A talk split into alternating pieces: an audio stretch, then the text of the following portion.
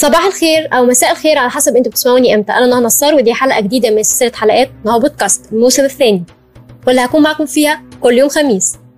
وحلقة النهارده عبارة عن سر أو لغز من أسرار الفراعنة وألغاز الحضارة المصرية القديمة المثيرة لحيره العلماء. ودلوقتي هتكلم عن أضواء دندرة. نحن نعرف أن الكهرباء لم تكن موجودة في العصور القديمة أو ربما هذا هو ما نعتقده. حيث من بين أكثر المنحوتات الغامضة والمثيرة للجدل هي منحوتة في معبد حتحور بمدينة دندرة في مصر وهي بعد كيلومترات من شمال الأقصر حيث ظهرت بعض الرسومات الفرعونية على جدار في سرداب المعبد إذا نظرت إليها للوهلة الأولى لظننت أنها نقش لمصباح كهربائي اعتدت على رؤيته.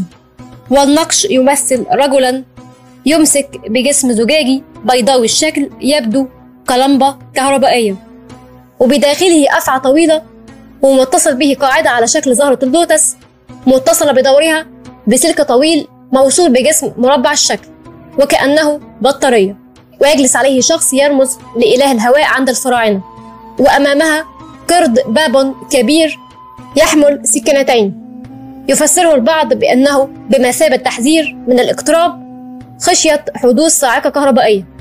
بالطبع بعض العلماء التقليديين لا يرجحون تلك النظرية لعدم وجود دلائل أخرى ويعتبرون أن الرسم ما هو إلا تعبيرا عن رموز مصرية أو أساطير مشهورة في الثقافة المصرية مثل الثعبان وزهرة اللوتس وقرد البابون وغيرها.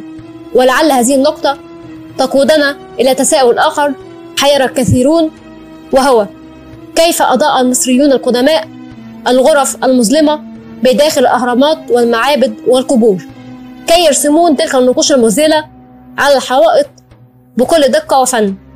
في حين يقول البعض إنهم استخدموا مصابيح الزيت العادية التي استعملها الناس في ذلك الوقت. ولكن في الحقيقة لم يعثر العلماء على أي أثر للسخام الناتج عن استخدام المشاعل داخل المناطق الأثرية. فهل توصل الفراعنة إلى الكهرباء بالفعل؟